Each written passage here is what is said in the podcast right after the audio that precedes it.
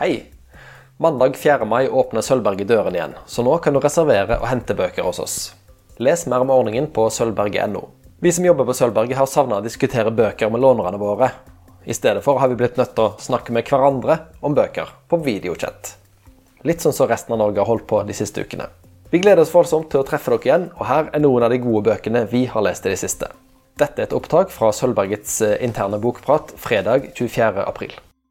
Eh, Darwin i byen av Menno Schildhuisen. En nederlandsk uh, scientist. Hva ble det på norsk? Vitenskapsmann. Vitenskapsmann. Uh, han skriver om, om urban økologi. Det vil si at hvor, Eller ja, urban evolusjon. Om hvordan dyr, planter og andre forskjellige livsformer tilpasser seg til livet i byen. Eh, og det er denne her eh, boka der om. Han har sett liksom gjennom historien, for det er først i det siste man har begynt å forske på sånt. Men eh, på, eksempel på 1800-tallet så var det et insekt som het bjørkelurvemåler, eh, som eh, i eh, Storbritannia Den rett ved starten av den, av den industrielle revolusjonen. I de store byene så var det et av de store byene hvor, hvor den Eh, det insektet bytta da farge fra, gjennom liksom naturlig seleksjon fra veldig lys til en mye mørkere farge. Det var jo fordi at eh, det var jo så mye sot fra fabrikkene, så de lyse eh, målerne de ble bare de ble spist av fuglene. Mens de som hadde fått en liten sånn eh, de som hadde fått en litt mørkere farge, de var mye mindre sjanse for å bli spist.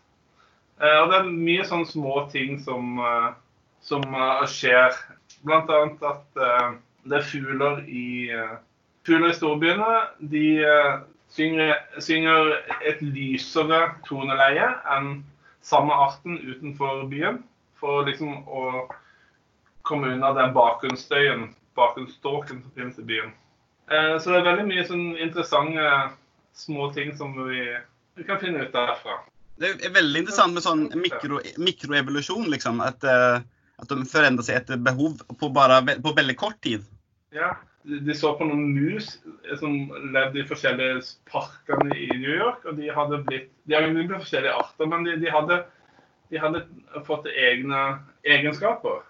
Eh, noen var mer, noen i en park var mer motstandsdyktige mot uh, en type sykdom fordi at uh, de hadde vært mer eksponert for ja, f.eks. at der solgte mange solgte de nøtter en typisk eh, eh, en, en, type som de ikke gjorde andre steder. Fordi de stjal de nøttene som ble solgt. Så veldig, sånn, veldig interessant. Men eh, det, den er jo på en måte litt eh, på samme tema som den du hadde sist gang, den mørke. Eh, ja. altså, sånn, inter, altså, Interessante naturvitenskapelige fakta, på en måte. Det, det er jo ja. samme bane. Det er jo veldig, det er veldig mye kjekke sånne bøker for tiden, syns jeg. Det er det.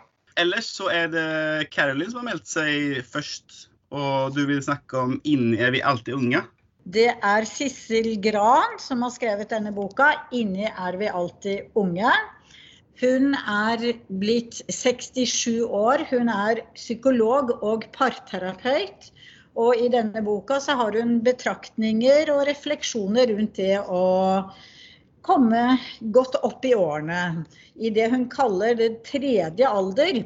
Hun, liksom, hun sier dette at den første alder det er barndom, oppvekst, ungdom. Barndom, ungdom, oppvekst.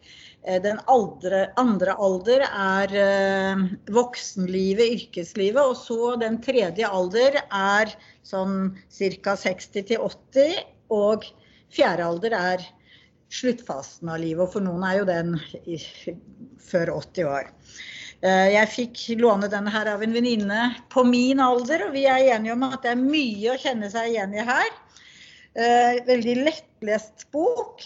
Hun eh, forteller bl.a. Sissel Gran at hun gikk i byen en dag og så inn i et butikkvindu, og der så hun et glimt av sin mor som eh, døde for mange år siden. Men så gikk det opp for henne at det var seg selv hun så, med den samme litt sånn stakkato-gangen og det litt ubekvemme uttrykket i ansiktet. Og det var litt sjokkopplevelse for henne å se at ja, hun var visst blitt slik mor sin. Hun snakker også om speilskam når hun ser disse aldertrekkene som man ikke føler at man Altså man føler seg så mye yngre innvendig enn det en uh, virker som utad.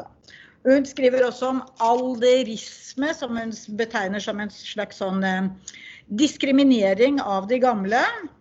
Eh, og at det er mange på sykehjem og sykehus som er Altså Én ting er jo at de har veldig tidspress, sånn at de, de går etter stoppeklokke.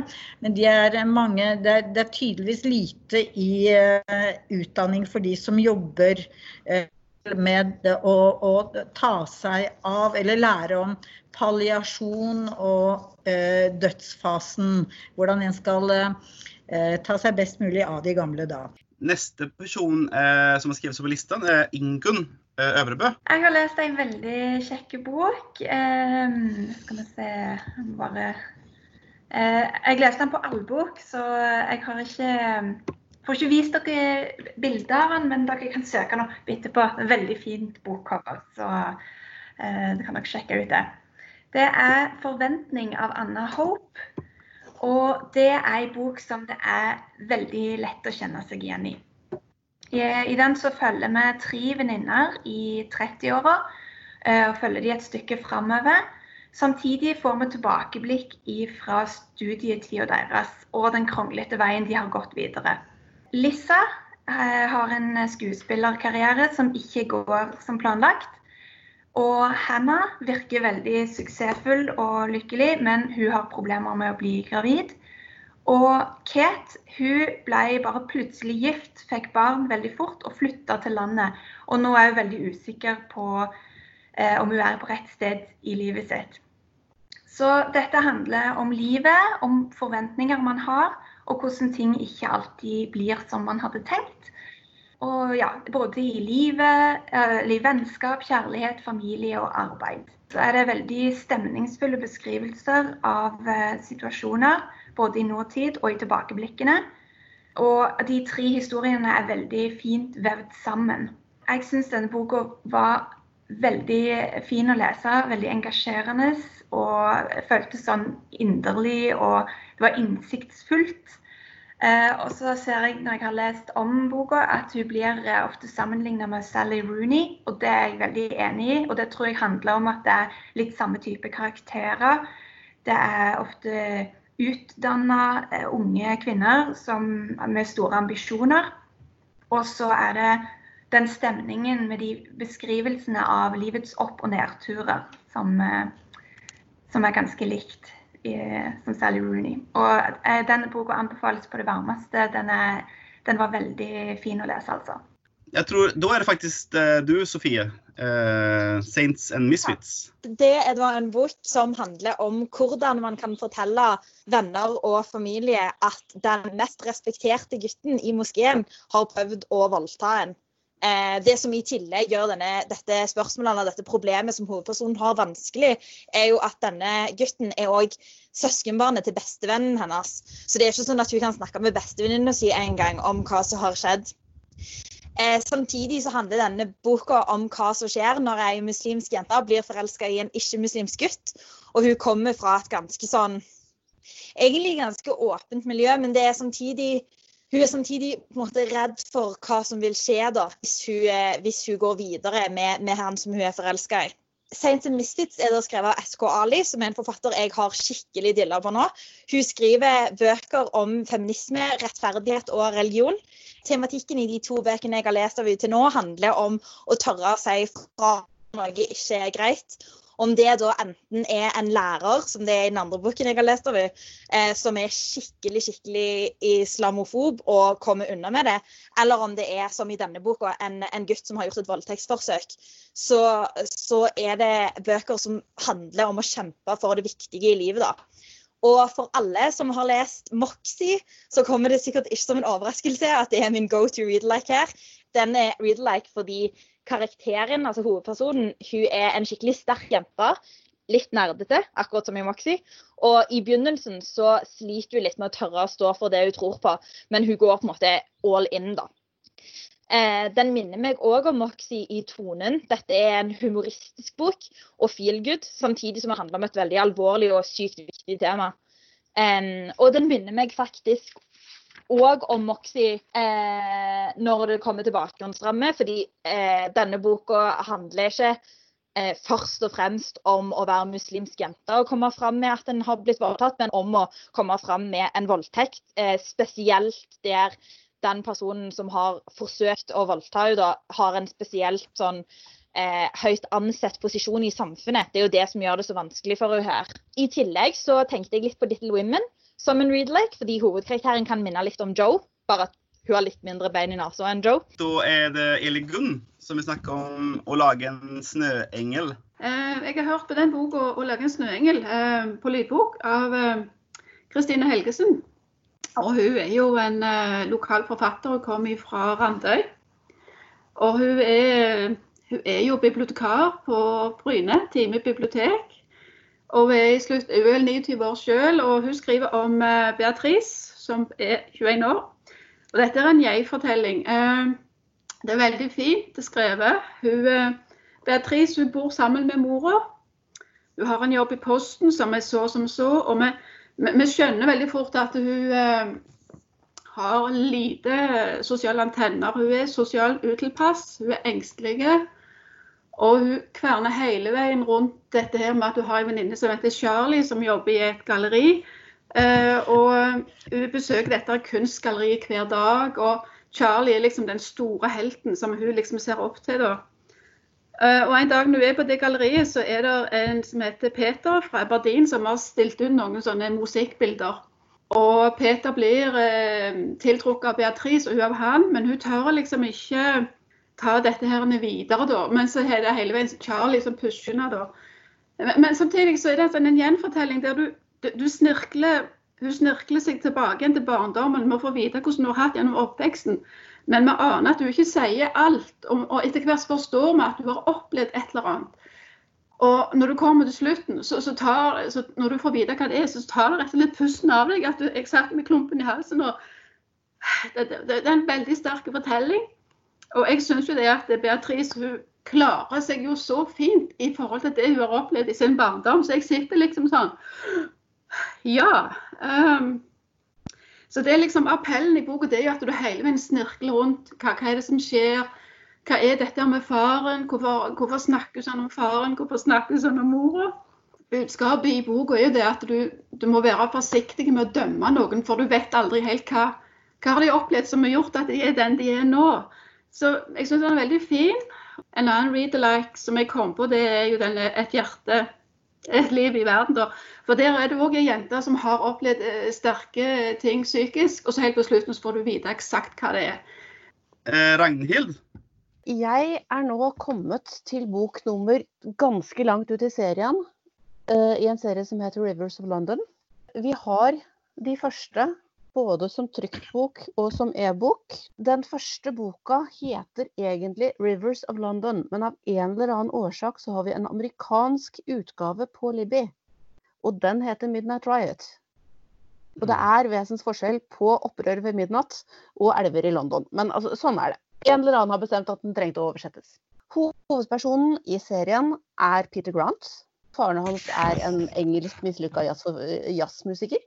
Mora hans er eh, vaskedame ifra jeg tror det var Sierra Leone, i hvert fall et av de der merkelige små afrikanske landa.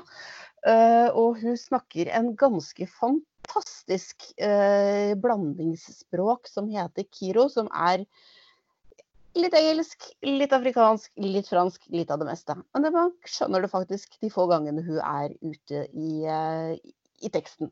Og nå som jeg da driver på samtidig og skriver eksamen bl.a. om eh, språkhistorie og England og alle de her fantastiske blandingsspråkene som fins, så var jo det litt gøy. Men i hvert fall. Peter han er politimann. Han er sånn cirka et sted mellom 25 og 30. Han har kommet så langt i eh, karrieren at enten så må det bli en karriere, han må gjøre et eller annet. Eller så skal han bare fortsette å være patruljerende politimann i hele resten av sitt liv. Han har ikke egentlig lyst til å satse på etterforsking, men kanskje han har for så vidt levert inn en søknad. Så vi får se hvordan det går. I mellomtida så står han og passer på et ganske forferdelig brutalt drapsåsted i London. Eh, det er, man kan bruke det, det, altså Ting foregår i London, og det er så nøyaktig beskrevet at man kan ta og lese hvordan det var. Man kan bruke det som kart. Det er sånn og slik. Tripped over a body in front of the west portico of St. Paul's at Covent Garden. Det foregår i Covent Garden midt i London. Han øh, står og passer seg som sagt på et, øh, på et lik. Uh, han som fant liket, måtte først sjekke at personen virkelig var død, og det var han, for hodet lå et par meter på bortsida. Når han står der aleine, får kollegaen seg ut og henter litt te, for det er jo tross alt i England, og det er kaldt og det er vått. Og så kommer det fram et vitne. Hey, go, I saw it all. Det eneste problemet er at dette vitnet har vært død i 150 år. Det viser seg jo da at Peter har en del evner som ikke alle andre har. Han har eh, evnen til å se spøkelser, til å utføre magi sånn litt etter hvert. Og det viser seg jo også da at Metropolitan Police i London har en avdeling for slike. Slike saker som dette. Der blir Peter lærling, ikke egentlig fordi han har lyst, men fordi han må. Og han blir da også andre ansatte. Det er en som har vært der nå siden før krigen en gang. Men uh, Det skulle man egentlig ikke tro. Men uh, nå kommer da Peter som ansatt nummer to. Det er spennende og morsomt og fantasy og realistisk politiarbeid. Bortsett fra som sagt at ikke alle, verken skurker eller ofre, nødvendigvis er helt riktig på samme side av virkeligheten som det vi er. Ja, den er gøy. Ja, anbefales. Uh, hele, hele, serien? Uh, det, ja, altså det er jo ikke alle i serien som er helt top notch. Uh, noen er på si åtte av ti, og noen er på seks av ti. Men serien til sammen ligger ganske bra an. Det er jo da ikke alt Altså ingen klarer å holde topp kvalitet hele veien. Men både den første og den siste som jeg holder på med nå, er veldig bra. Og flesteparten imellom er bra. Uh, Mette, er du der? Jeg er her. Jeg har lest denne boka. Tre dager senere var hun borte av Christian White. Uh, en australsk bok fra Australia. Uh, det handler om Kim Limi, eh, som bare lever et sånn helt vanlig liv. Men en dag så dukker det opp en, en mann som sier 'jeg er broren din', og du ble kidnappa når du var to år. Eh, han er da fra USA, i Kentucky. Eh, og hun reiser dit sammen med han for å finne ut av eh, hva er egentlig dette. Er det egentlig sant at jeg ble kidnappa da jeg var liten? Hun har jo trodd at hun har vokst opp et helt vanlig liv sammen med moren og stefaren og søstera. men det viser seg jo at det er svært, svært mange hemmeligheter. Og i denne familien i, i Kentucky så er det òg selvfølgelig massevis av hemmeligheter. Eh, og en, som en skikkelig god thriller, så er det jo selvfølgelig en sekt eh, der de til og med danser med slanger.